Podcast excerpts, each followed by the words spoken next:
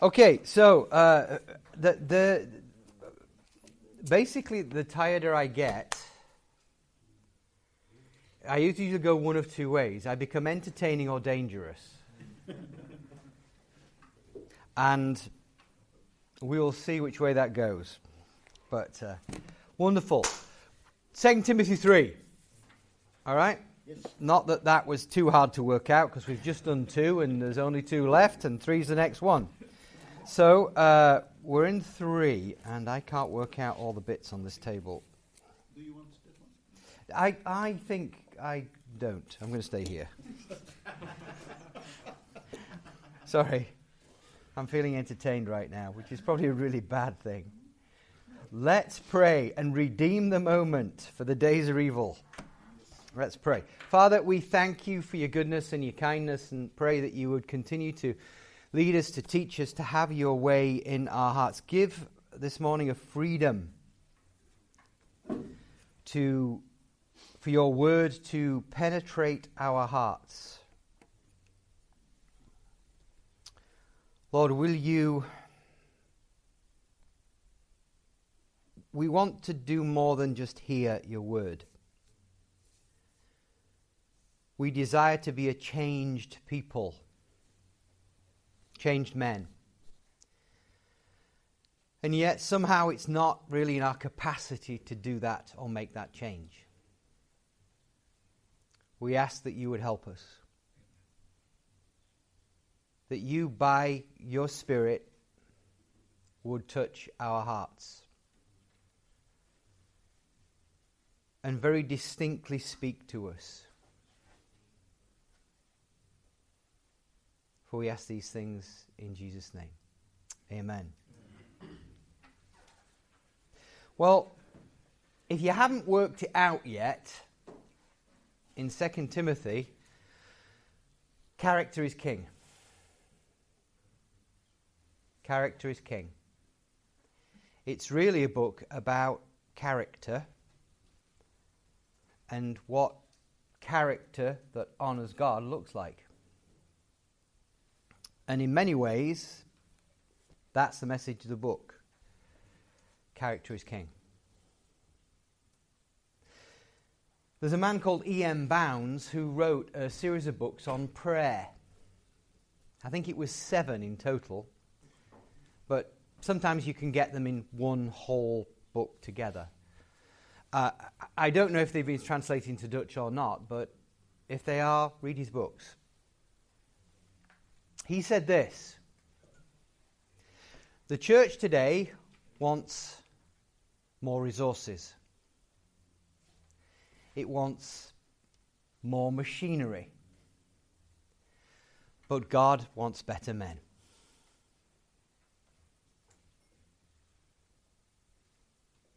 Men of prayer.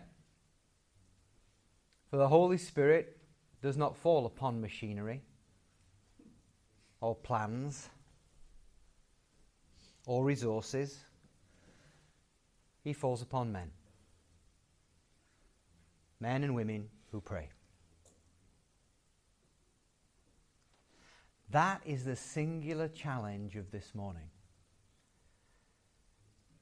As we look at the church, we say, only if we had more Sunday school teachers, which is not wrong. Only if we had more money. Only if we had more sound equipment. My personal favorite. Only if we had. You fill in the blank. Somehow the ministry would be better. Somehow the church would be better. Somehow it would all work better. And in making that statement, we miss a fundamental truth.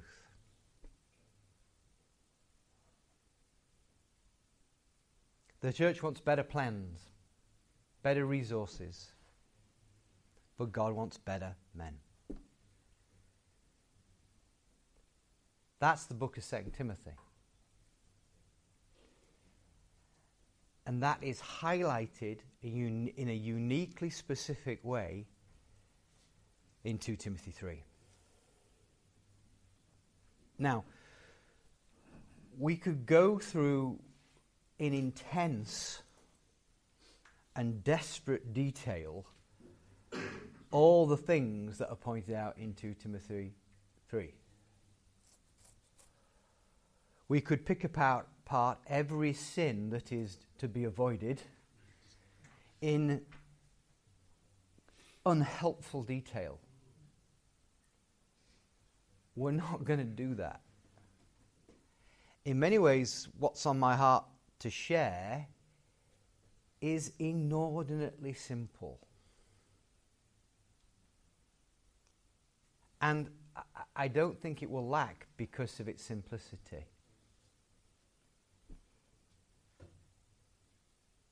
What we have in chapter 3 is a contrast between false faith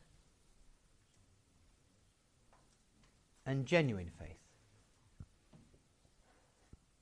And really, that's the two things that we're going to look at this morning. And we are going to treat the passage unevenly, in the sense that we will spend more time in some areas than others. And other parts I will say very little about. Because I don't think that's the message for today. So feel free to throw rocks if that you're unhappy about that at any point in time. I will probably simply just throw them back. Unless, of course, you throw money or food, at which point I will choose to keep them. That's kind of where we're going. And it's, it's the better men thing. God wants better men. It really is that simple in so many ways. Right. Okay, so with the yawning going on, which I want to follow you in yawning, um, 35, 40 minutes. Have you got 40 minutes in you? Yeah. Uh, be honest with me. I, I, I don't. Dis- dishonesty is just annoying. Uh, if you can, if you can only do 20 minutes, we'll do it all in 20 minutes. If you can do 40 and you can keep with me for 40, we'll do 40. 40. Yeah? 60, there's, there's always a guy that says, I want to die in this message. yeah, yeah, yeah, Well, thank you for that. I, appre- I personally appreciate your, your commitment to the fact that I might be interesting for that period of time. I think you are misled. But. Uh, but for such. So it, that's it. Better men. That's the whole message. Right? And at some point, we kind of have to deal with that. And sometimes the more detail we get, the more that shrouds the stark choice. And I don't want to do that with lots of detail. So that's where we're going. Okay? Right. I'm going to read to you the first part of 2 Timothy 3. But know this that in the last days perilous times will come. For men will be lovers of themselves, lovers of money, proud, boasters, proud, blasphemers, disobedient to parents, unthankful, unholy, unloving, unforgiving, slanderers, without self control, brutal, despisers of good Traitors, headstrong, haughty, lovers of pleasure rather than lovers of God, having a form of godliness but denying its power. From such people turn away, for this these are those who creep into households and make captives of gullible women loaded down with sins, led away by various lusts, always learning, never able to come to the knowledge of truth. Now, as Jannes and Jambres resisted Moses, so do these also resist the truth men of corrupt minds, disapproving concerning the faith, but they will progress no further, for their folly will be manifest to all, as theirs also was. Let's pray. Father, we ask that you would lead us, you teach us, you give us understanding. For we ask these things in Jesus' name. False faith, genuine faith. First one, first part, the characteristics of false faith. He says, You know in these last days, perilous times will come. He says, You know. The word for know means to experience, it is knowledge gained by experience. So when he says you know, it's not like, oh, intellectual stuff. It, it, it's the know that every day you walk in a world in situations where you know it shouldn't be like this. For every time you walk into a place where you see things that do not honor God, and how that runs through and pervades the entirety of society in these days. So it really is, you know, you experience. It says, in the last days, you know, we experience that difficult times will come. That word for difficult, in different Bibles, it's translated in different ways.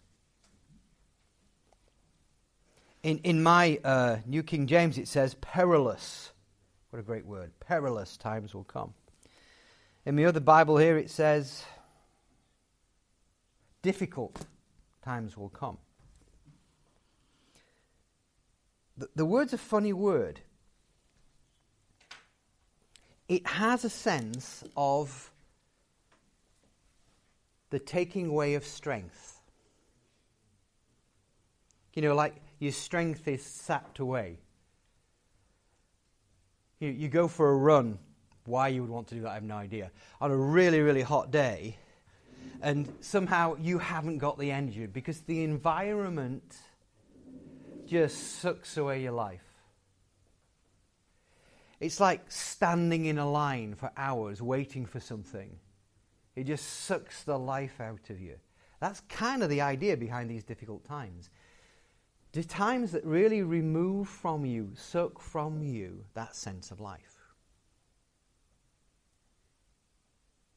And he's going to tell us why. For men will be lovers of themselves. Now, the whole first part of this passage is really about love. And in reality, it's about the misdirection of love.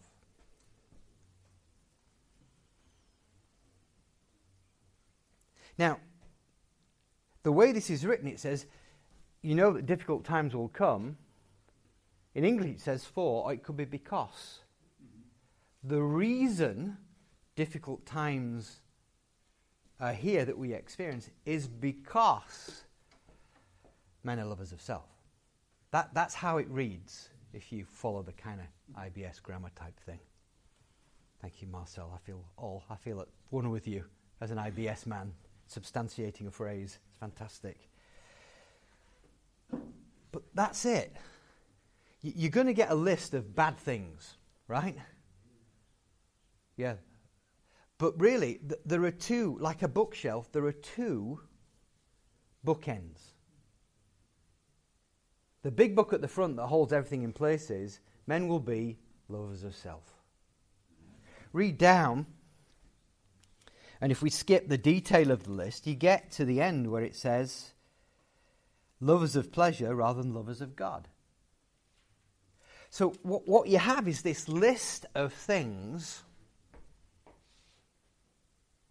and really, there's two bookends. Men will be lovers of self.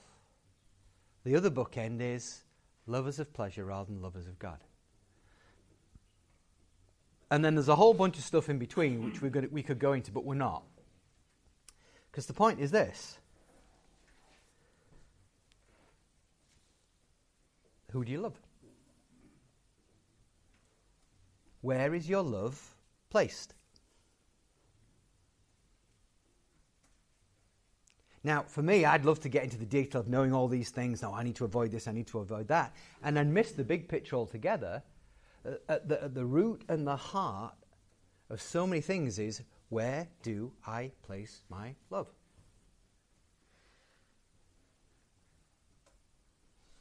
The problem begins because in the last days, the days that suck the life out of you, they are that way because men will be lovers of themselves. Their affection will be chiefly concerned with themselves. It's all about me. I am entitled to better service. I'm entitled to the promotion. I'm entitled that people should give me more opportunity in ministry. It's my right to have good internet.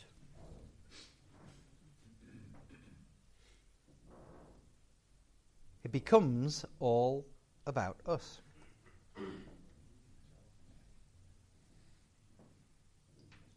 Lovers of self. Lovers of self to the exclusion of everything else. The primary goal, the primary focus. Oh, yeah, I love other things, but really, at the end of the day, if I were to choose, my love is more about me than it is about anybody else. That's the first description. Now, the heart of every problem is a problem of the heart. We should worship God, love people, use things. But if we start worshipping ourselves, we will ignore God, start loving things, and using people. That's what one writer said. I'll say it again because it's a complex phrase. We should worship God, love people, and use things.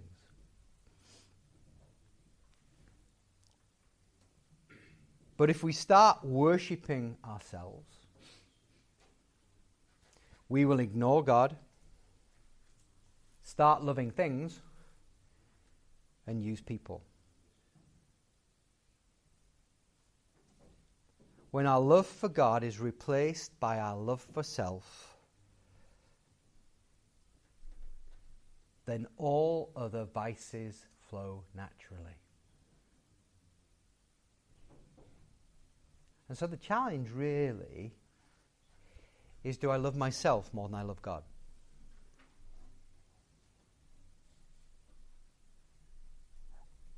And I don't know about you, but that's a kind of moment by moment choice. Because there's times in the day I face the sense do I love me or do I love God? I love me. And it's the beginning to choose where we place our love. he gives this whole list, and then he says, because really the general statement is lovers of self. You get all the detail of things you're not supposed to do. And then it book ends with this phrase in verse, verse 4 saying that lovers of pleasure rather than lovers of God. And, and that's the challenge, isn't it? you know, do am I going to love myself, my comfort, more than the Lord and what He asks me to do, calls me to do? And, and that's just a very simple obedience. Difficult to do, but, but it's a simple principle. And, and it's manifesting in so many different things. I would prefer to stay in New Zealand and be with my kids. Makes me happy. But the path that God has given me at the moment is such that in loving Him, I've chosen at this time to leave my kids. I sacrifice. And I don't kind of, I say that on the illustration not to make you say he's a cool guy. I'm not, but Do we seek to bend God's will to our pleasure and what's comfortable rather than simply do what's right? Uh, it, has been very interesting uh, being the senior leader of a ministry over the last 13 years. Um, because in leadership, you're faced with a continual raft of choices, decisions to be made. And that's fine. But in so many of those decisions, you can make a choice that is easier for you.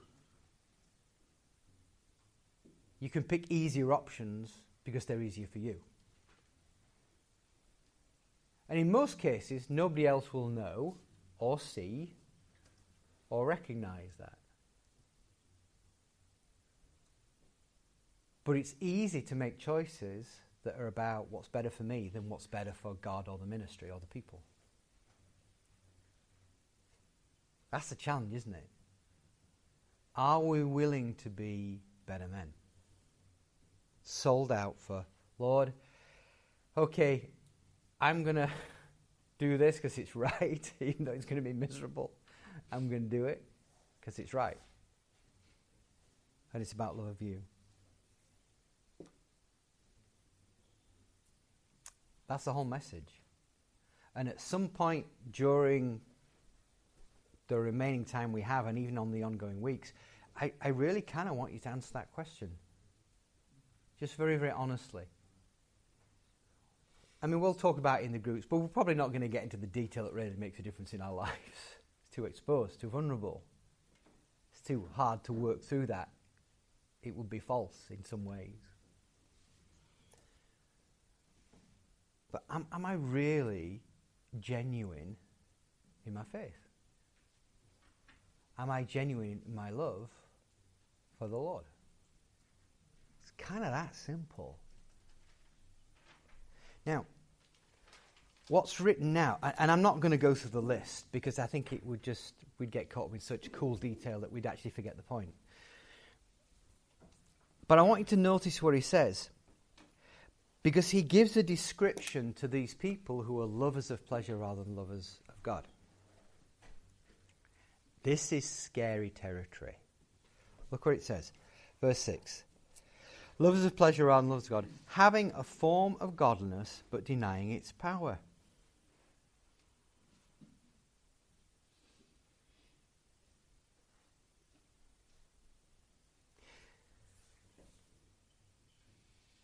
Now, you kind of read that and you kind of go, oh, it's about the world. Bad perilous times, da da da. But read it and think about it. Having a form of godliness. Does the world profess a form of godliness? I don't think it does.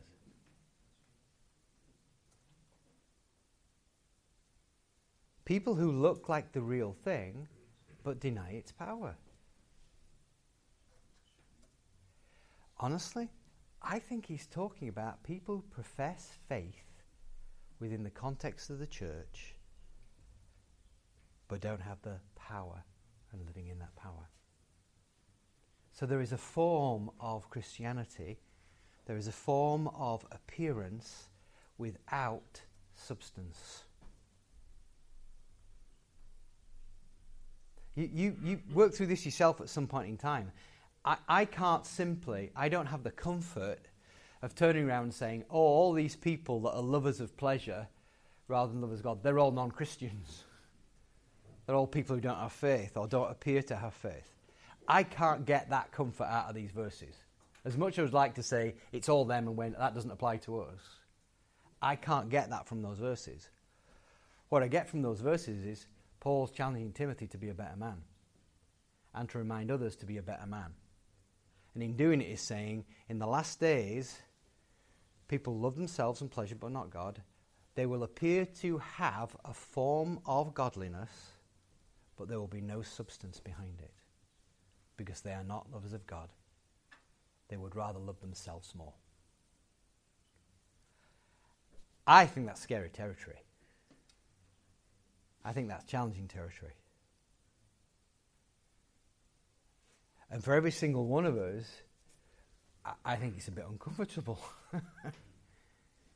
and more than a bit uncomfortable. Because if I'm one of those guys who does the Sunday Christian thing or has all the appearance of living for Christ, but in reality, at every single decision point, I choose me rather than God. I choose the fact that well, this is more comfortable for me than it is doing the right thing. I could be that guy.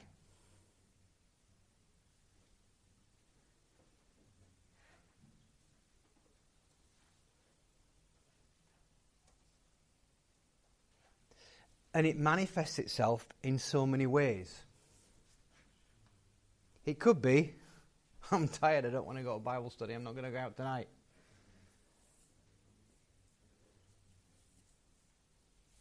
It could be, who put, uh, okay, who puts out the chairs on Sunday, by the way?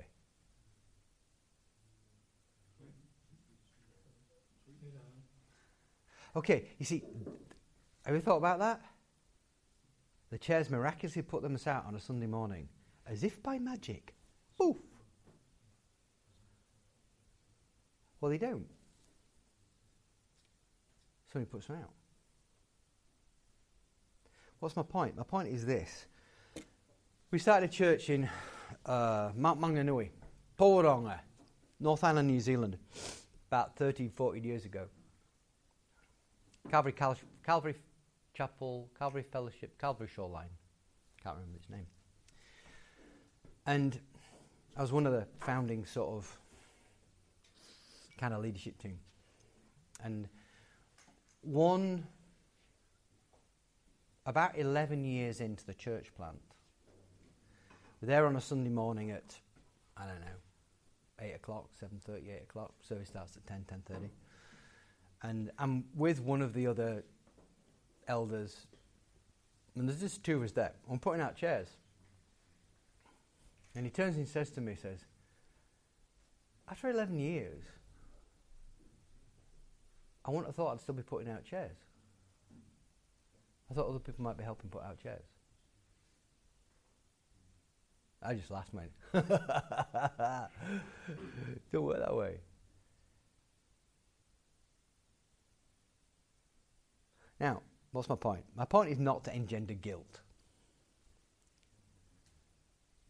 But my point is at the heart of living for Christ as better men is sacrifice.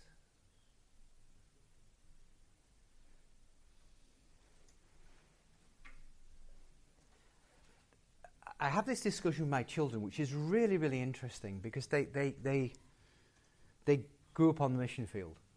So my kids went to Austria on the mission field at the age of one and three and a half. So they, they kind of like have no, they have a really strange life. But it's fantastic. They've lived in two castles um, and four countries and two continents in the last 20 years. It's fantastic. They used to go to Venice about every, oh, every second week. They hate Venice because they used to go every second week. Their life's very different from other people. Most people would say, Oh, I'd love to go to Venice. It's great. My kids hate it because they used to go every two weeks. We hate Venice. Can't we stay at home? Different life. But here's one of the things that over the years that I've never been able to understand in disciple making. How do you teach people to see need?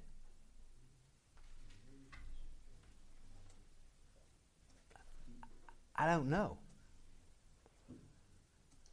And it's interesting, my kids, now they're serving in ministries.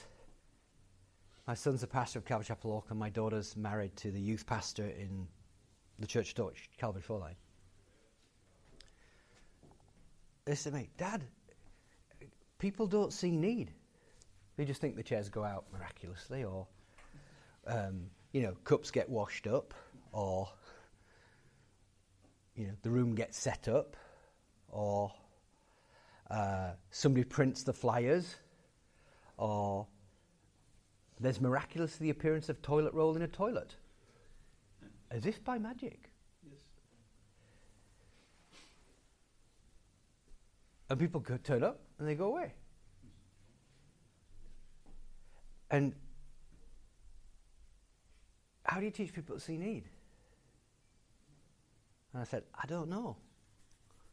I've never figured it out. How can you teach people that?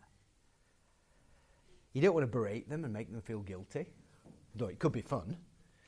Um, you kind of want people to get it. I, I, I'm, I'm, I'm deeply naughty inside. Right? So in Bible school, I would leave something out, like a piece of rubbish or a dirty cup. I would leave it out, or a stain. I would leave it out just to see how long it would stay there. Just to see if anybody would see the need. Oh, that's dirty. I'll, I'll clean it up. It was, sometimes it would take days for people to realize there was a need.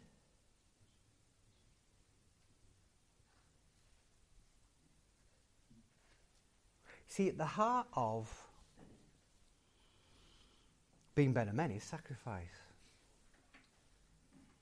And, and there's the choices that go with actually what will serve the Lord and what will serve the body. And a lot of that isn't very visible. But a lot of that is about responding to need. Now, if you to break down the kind of the language of this passage, there are five compound words in the original language here. Lover of. So you get lover of self, lover of money,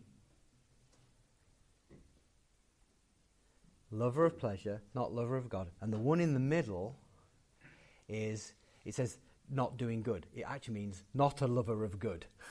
It's the same compound word. And all the way through it's this sense, this Greek word philos. It means to be a friend of, or to be have a brotherly love for. Okay? Lover of self, lover of money, lover of pleasure, lover of God, not a lover of good. And he says, there's people who have a form of godliness. So they look like the real, genuine article. But the test to whether they are the genuine article is if they have the power of that life or not.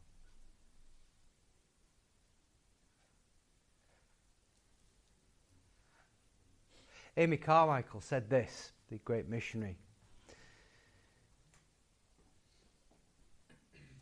And I can't remember the full quote, I should find it.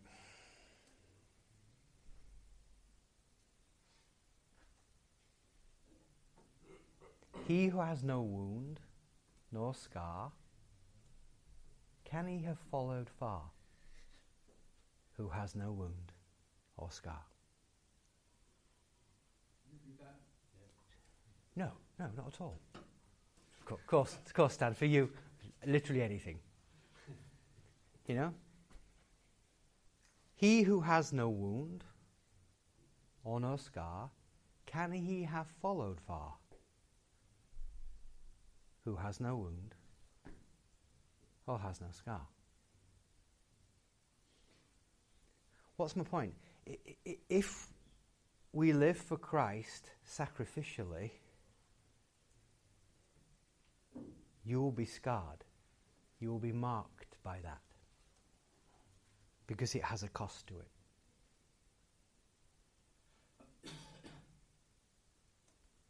Maybe your finances will be different because of the choices you make. Maybe where you live will be different because of the choices you make. Maybe the distance you live from your children will be different because of the choices you make.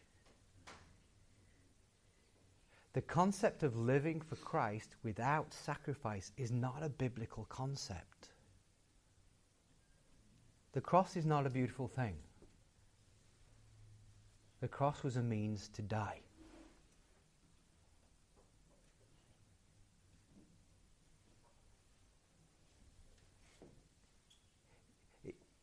I often, I often, I'm trying to think of this verse.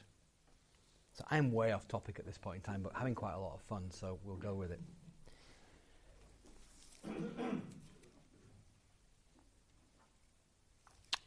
you, you can. I don't know, you see lots of books on successful ministry, right? If you do this, you'll be successful. If you do this, you'll be successful. If you look at successful ministry as defined and how Jesus taught about it in the New Testament, I can find very little about it. And I don't mean that in a bad sense, I just can find little about it. The one, one of the verses I can find is this Unless a grain of wheat falls to the ground and dies, it abides alone. But if it dies, it bears much fruit. That's one of the few times where Jesus talks about successful ministry. And he looks, and that's not a long book. This is not going to be a bestseller. You know, oh, what do I have to do? You have to die. Well, I don't like that. Give me something else to do. Right? He linked fruit bearing to death. That is a horrible concept, especially if you're the thing that's got to die. If it's other people, I can deal with it, right? But Jesus linked fruit bearing to death.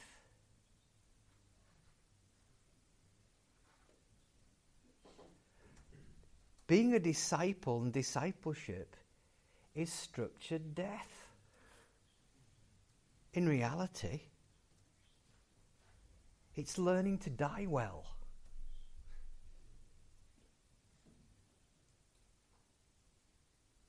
He gives us this sense of what is false faith, lovers of self, of pleasure, rather than more than a lover of God. People who have the form of the real thing but do not have its power. And he actually uses this verse denying its power. So literally, it means to reject that power.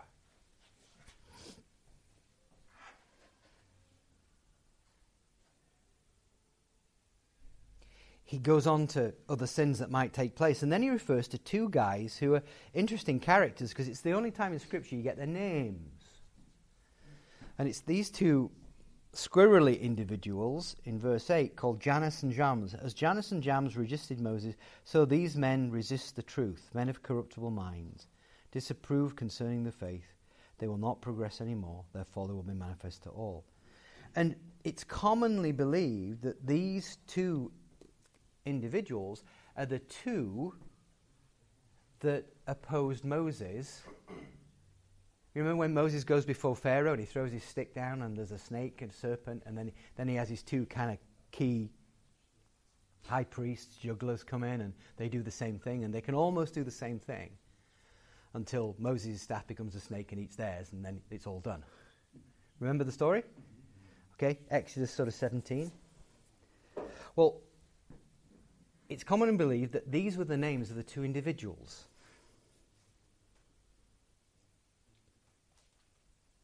Jannes in Abyssinia means trickster. Jambres in whatever language it was means juggler or juggler. They demonstrated the appearance of power, an appearance of authority, without really having it. They were a sham. They were hypocrites hypo- hypocrites wearing the mask. They were not as they seemed to be. That's first part of the whole message, right? Genuine faith, characteristics of false faith. The power of the resurrected Christ within our lives means we can be changed men.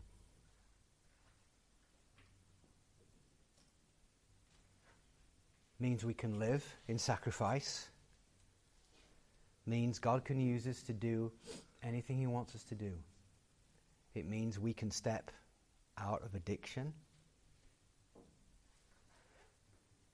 It means we can move away from besetting sin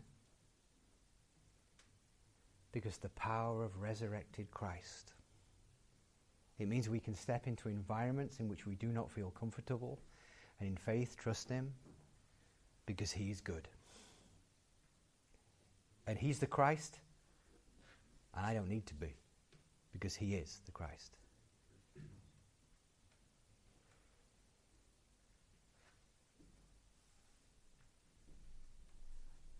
Are we willing to be people who are really about loving God more than ourselves? And I'm speaking to myself more than I'm speaking to you because I'm a mess with that stuff, you know?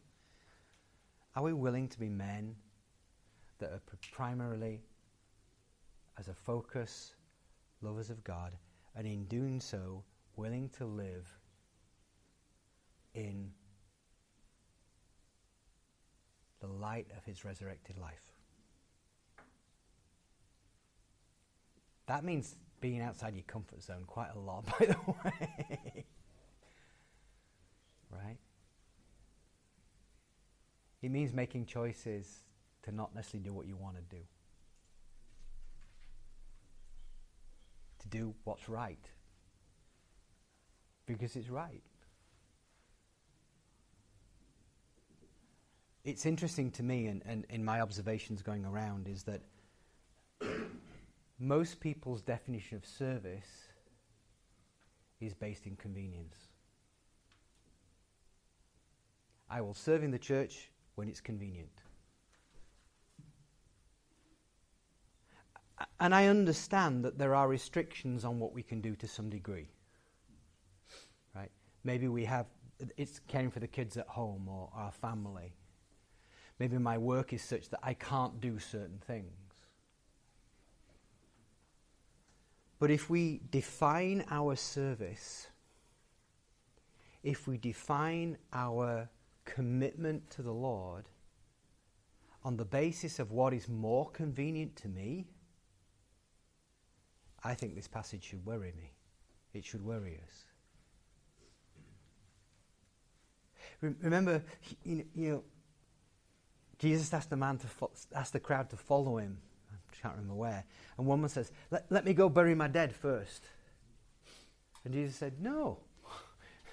let the dead bury the dead. Come with me. Follow me. That's exactly the same thing illustrated. I, I really want to do this. It's important for me to do this. This is important in my family. This is, this is big stuff. And Jesus said, No, follow me. From verses 10 to 17, we get the characteristics of genuine faith.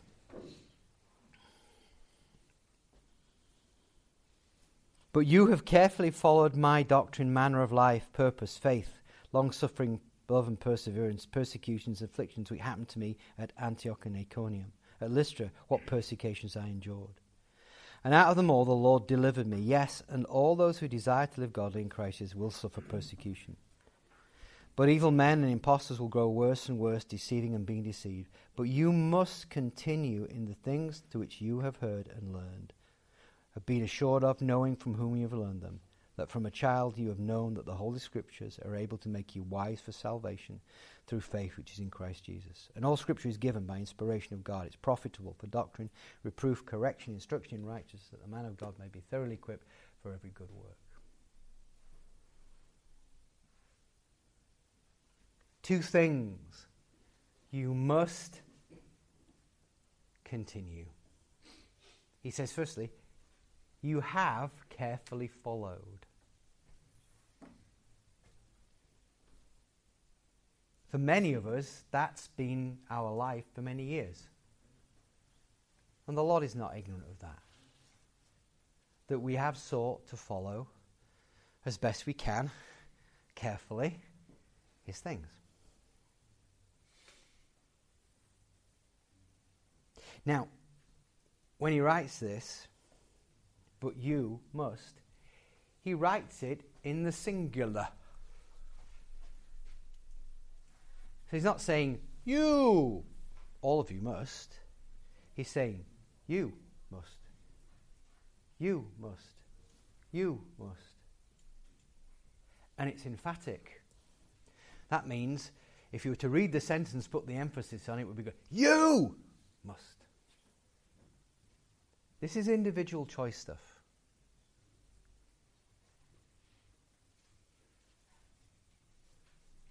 You have carefully followed. But in verse 14, he says, You must continue. It's, it's, it's the word to stay. It's, you know, you know, all of John 15 when it says, abide. Same word. It means to stay in a place. It's a command. You must continue. Not that your salvation depends on it, because our salvation is based upon the death of another.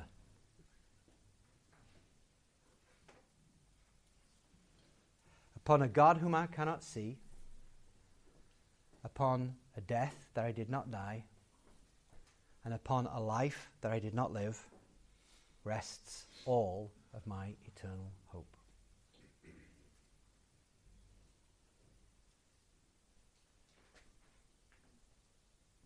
Upon a death that I did not die, upon a God whom I cannot see, and upon a life that I did not live, rests all of my eternal hope. Charles Spurgeon. That's the gospel. I didn't die. I didn't live the life.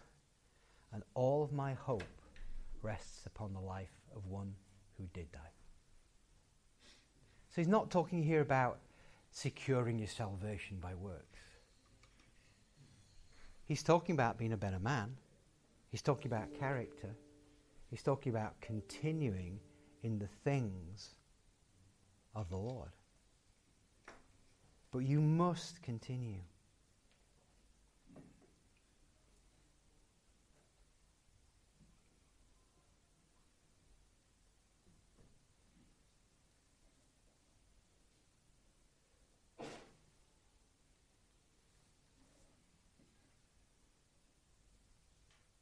Continue the things that you've learned, assured of knowing them, knowing from who you've learned them. And ultimately, he points to the single most important part of the Christian diet. Verse 16 and 17 talks about the Word of God.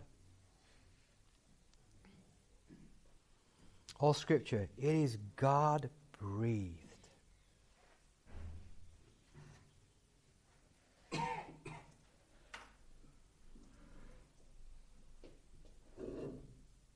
and it's good, it's useful. That's what profitable means. Doctrine, reproof, correction, instruction in righteousness. Very simply, he tells you where the path is. That's doctrine.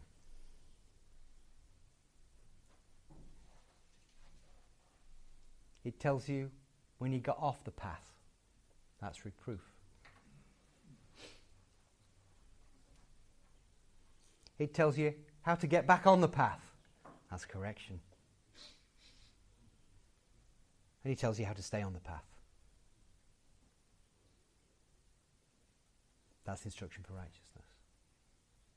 With purpose, that the man of God may be, not do, notice, but be, thoroughly equipped for every good work.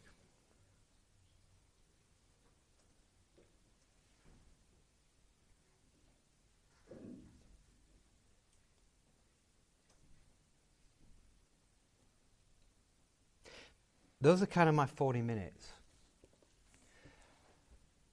I kind of got five more minutes in me. If you've got five minutes. There's two things I want to I want to kind of share, and they're a bit random,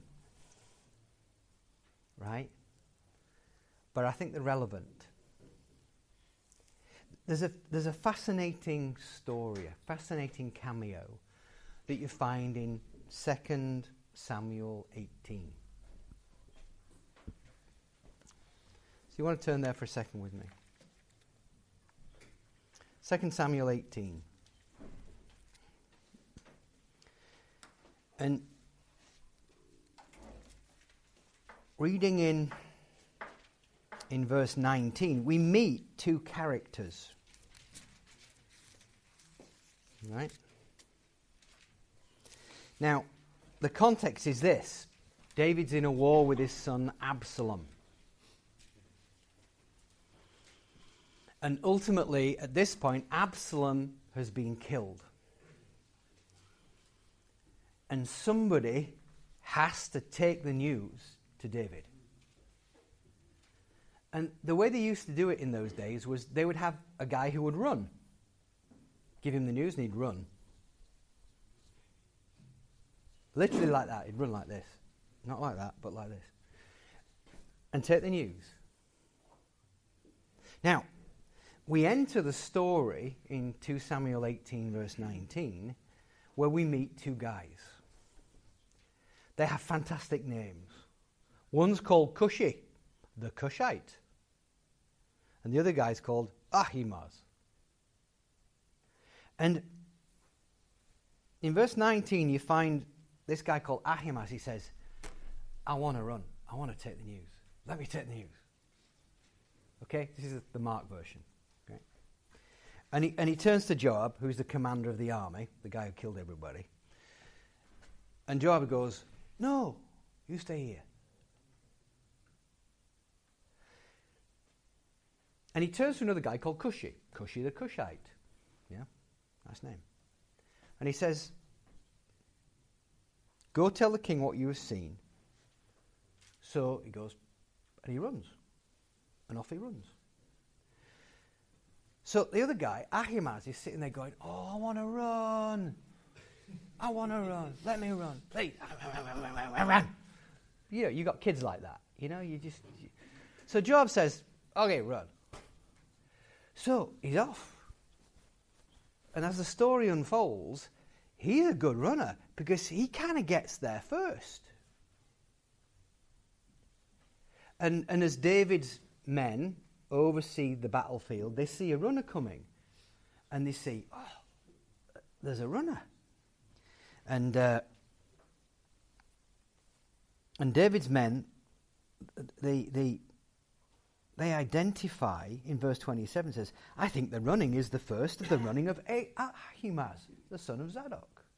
So they obviously ran in such a way that they could pick him up miles away and say, That's him. That's Ahimaaz. Right? Now, the guy who really, really, really, really wanted to do something gets there, and he gets there first. Right? And so they say, What is the news? And he goes, I don't know. Something happened. Absolutely. Literally, that's what he says. I mean, I mean, look at it. Verse 29, the king said, This is the young man Absalom safe? And Ahimaaz goes, uh, Joab sent the king's servant. He sent me. I saw great tumult. I, I, I don't know what it was about. And they said to him, Well, stand over here. Then the next one comes, and it's Cushi. And, and, and, and, and, you know, he obviously was slower. That would be me. I, I never run under any circumstances. I have theological objections.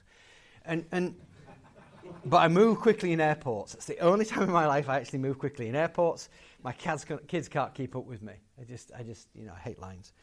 Um, so Cushi gets there, and this is what he says This is the good news, my king. The Lord has avenged you all these days. And the king said to Cushite, Is the young man Absalom safe? So the young man said, May the enemies of the Lord the king and all who rise against you do harm. May they be like that young man. What's my point? Ahimaaz just wanted to run. He didn't know why he was doing it. He had nothing to say. He had no message to tell. If you look back in the story, Joab says to the runner, he says, Tell them what you know and what you have seen. Ahimaaz didn't have anything to say. He just liked to run. I, mean, that's literally the story. It's fascinating. I love this. I love the Bible. It's fascinating. But Cushi, he told what he saw, what he knew. And he brought the news to the king. My point is this we need to be better men. We need to know why we're running, and we need to run. And we need to run even if it requires sacrifice. Do you know why we call the marathon the marathon? It's not named after the um, chocolate bar, by the way. Because a runner in the Greek Persian Wars was required to take the news of the battle to a king to ultimately save the situation. He ran 26 miles, 385 da- yards to a place called Marathon. He delivered his message to the king and he died doing it.